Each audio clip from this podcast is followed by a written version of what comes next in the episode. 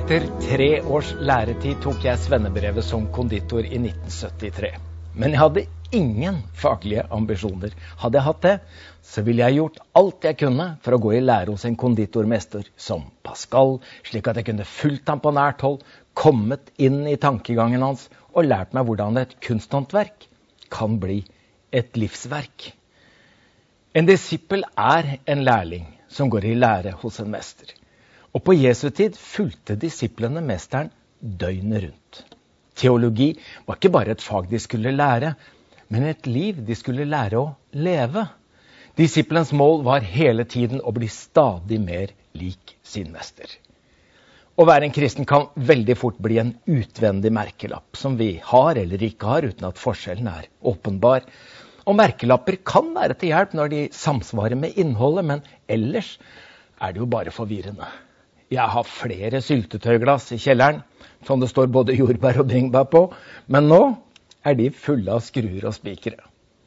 Det var i Antiokia disiplene for første gang ble kalt kristne. Var det likheten med mesteren som gjorde at folk ga de første disiplene den merkelappen? Disippelskapet er relasjonelt. Derfor er det ikke statisk, men dynamisk. Filadelfia-kirkens visjon er å lede mennesker som enda ikke tror, til helhjertet etterfølgelse av Jesus Kristus. Det sier mye mer om en pågående prosess enn et ferdig produkt. I den såkalte misjonsbefalingen i Matteus 28, vers 18-20 sier Jesus.: Jeg har fått all makt i himmel og på jord. Gå derfor og gjør alle folkeslag til disipler. Døp dem til Faderens og Sønnens og Den hellige ånds navn, og lær dem å holde alt det jeg har befalt dere. Og se, jeg er med dere alle dager inntil verdens ende. Meldingen er tydelig, oppdraget er klart. Gjør disipler, døp dem og lær dem. Men hva innebærer det å være en disippel og følge Jesus i 2020?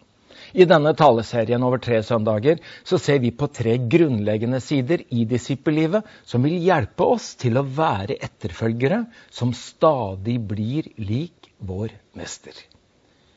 Evangelium er disiplenes fundament. Det er det ene. Erfaringer er disiplens tilegnelse. Det er det andre. Og praksiser, det er disiplens øvelser.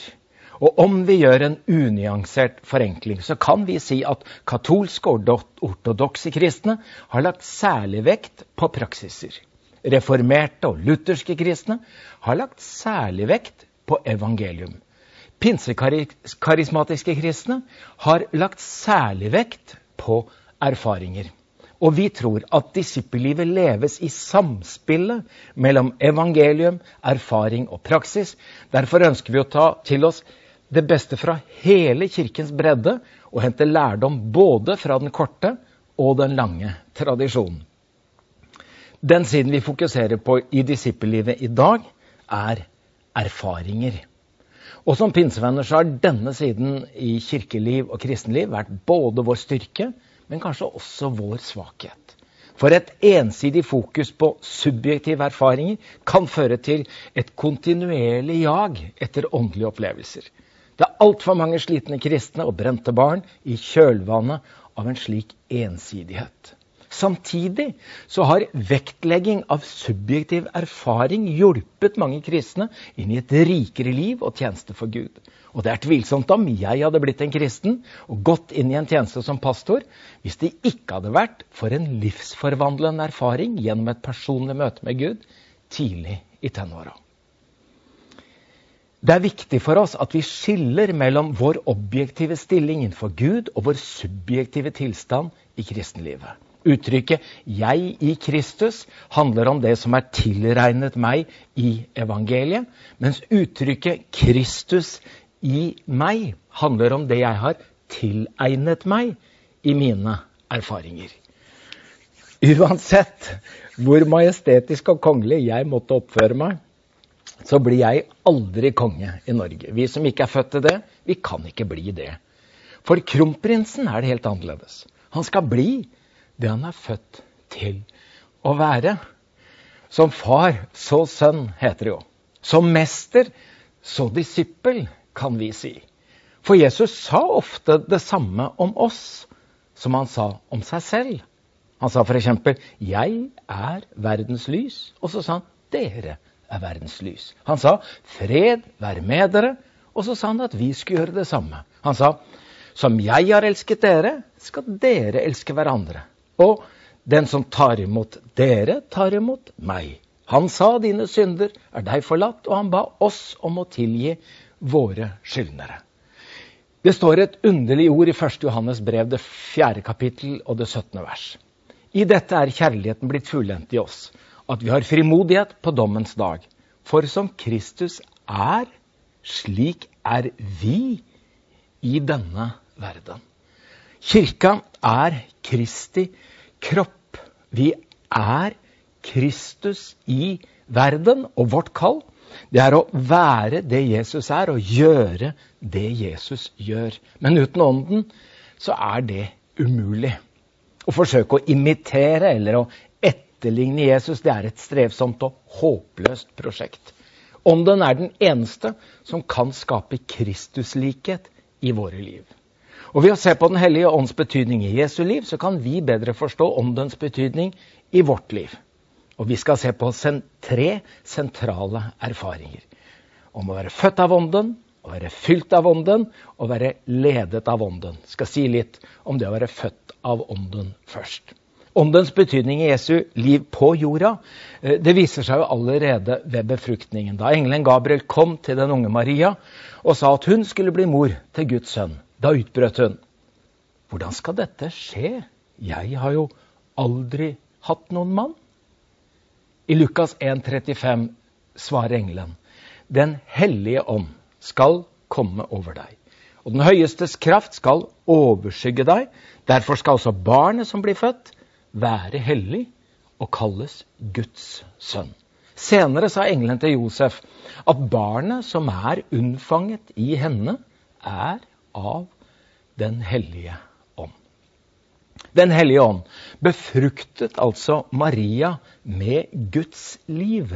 Og det er inkarnasjonens mysterium. Vi forstår det ikke, men vi sier allikevel i trosbekjennelsen jeg tror på Jesus Kristus, Guds enbårne sønn, unnfanget ved Den hellige ånd, født av jomfru Maria. Jesu fysiske fødsel er altså et forbilde på vår åndelige fødsel. Ved Den hellige ånd mottar vi det evige liv når vi tar imot Jesus. Det er gjenfødelsens mysterium. Jesus sa til den skriftlærde Nikodemus i Johannes 3, vers 5-7. Sannelig, jeg sier deg, den som ikke blir født av vann og ånd, kan ikke komme inn i Guds rike. Det som er født av kjøtt, er kjøtt, men det som er født av ånden, er ånd. Undre deg ikke over at jeg sa, dere må bli født på ny. Vi er ikke Guds barn fordi vi har bestemt oss for å leve et kristent liv. Vi er Guds barn fordi Kristuslivet er født inn i oss ved Den hellige ånd. Uten Ånden så blir vår kristendom bare en god idé, og vår etterfølgelse bare et moralsk program. Og noen erfarer jo den nye fødsel som en eksplosjon fra mørke til lys, fra natt til dag.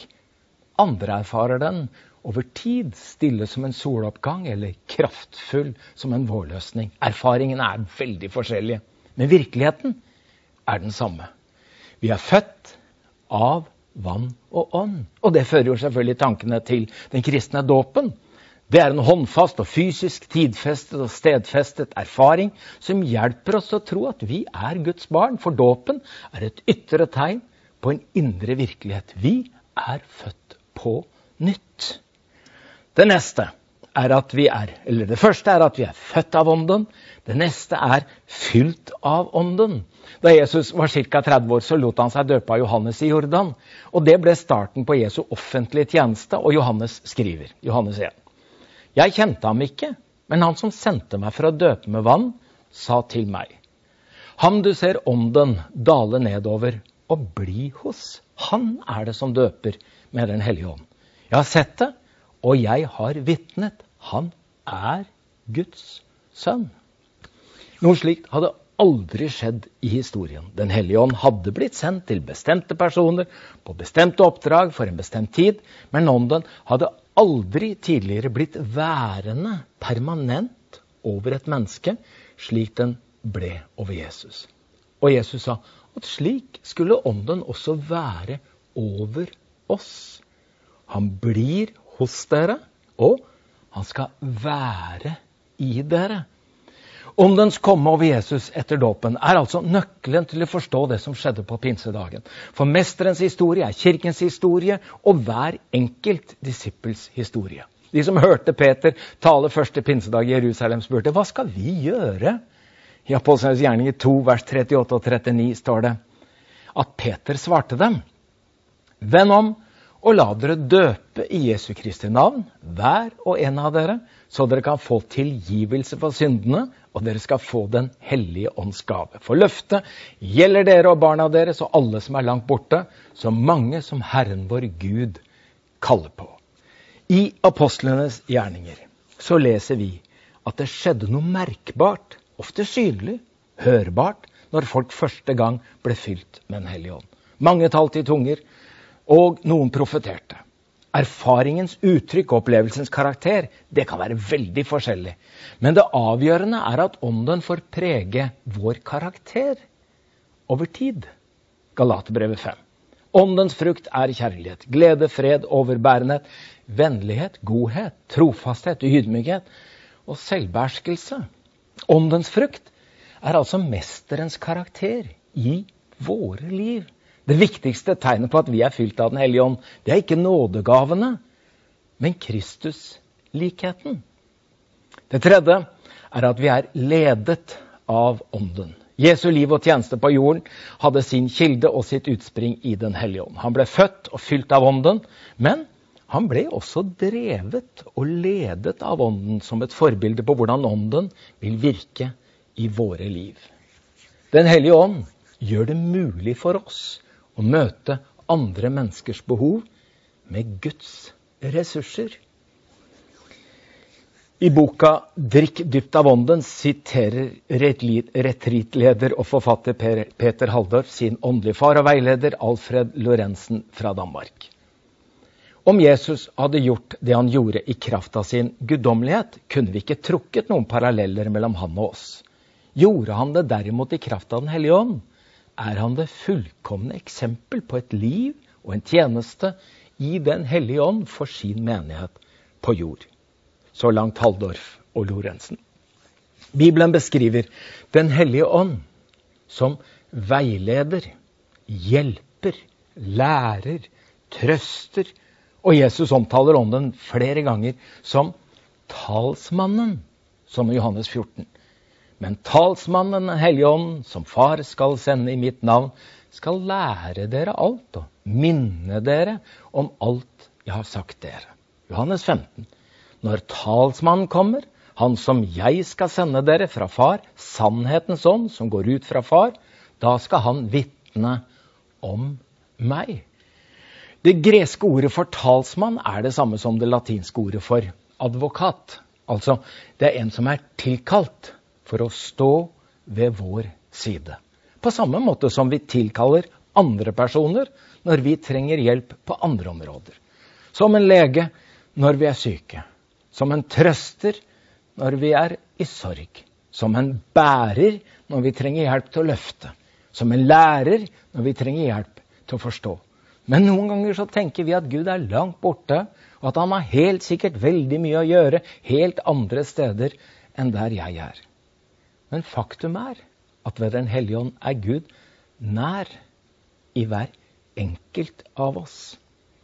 Ikke upersonlig, men personlig.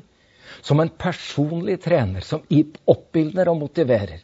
Som en personlig veileder som underviser og forklarer. Som en personlig samtalepartner som gir råd og hjelp. For Ånden er gitt for å gjøre evangelium og praksiser til erfaringer. Til slutt.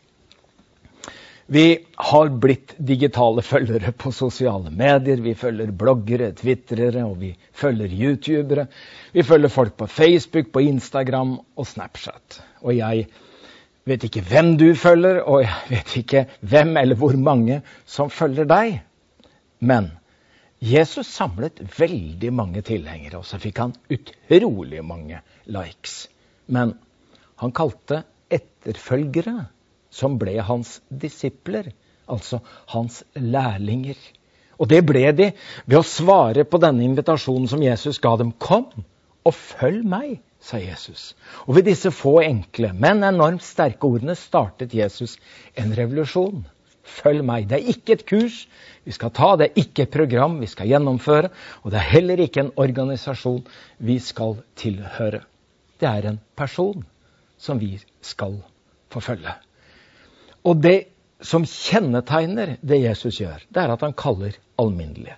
Apostlenes gjerninger er fortellingen om disiplenes erfaringer og viser hva Jesus kan gjøre gjennom tolv alminnelige mennesker som lar seg lede og prege av Den hellige ånd. Og så preges det av at han kaller syndere. For de første disiplene ble ikke kalt fordi de var best i alt. Den usminkede sannheten er jo at de var syndere, som alle oss andre. For Jesus sa, 'Jeg er ikke kommet for å kalle rettferdige, men syndere'. Og det tredje er at Jesus kaller personlig. Vi blir jo veldig fort et tall i statistikken og et nummer i mengden. Men Jesus bruker verken tittel eller slektsnavn når han kaller på deg og meg. Han tiltaler og omtaler oss personlig med fornavn. Jesajas 43 vers 1 sier, 'Jeg har kalt deg ved navn'. Du er min. Jesus kaller disipler i dag, her og nå, ikke som en befaling eller kommando, men som et kall, en utfordring, en oppfordring. Du kan svare ja, og du kan svare nei. Men det er rimelig å forvente et svar. Så jeg vil veldig gjerne dele en disippels bønn med deg, som jeg over tid har gjort til min. Og kanskje vi kan be det sammen. Kjære Herre Jesus Kristus. Lær meg å kjenne deg bedre. Se deg klarere og følge deg tettere. Elske deg dypere og komme deg nærmere, så jeg kan bli stadig mer lik deg.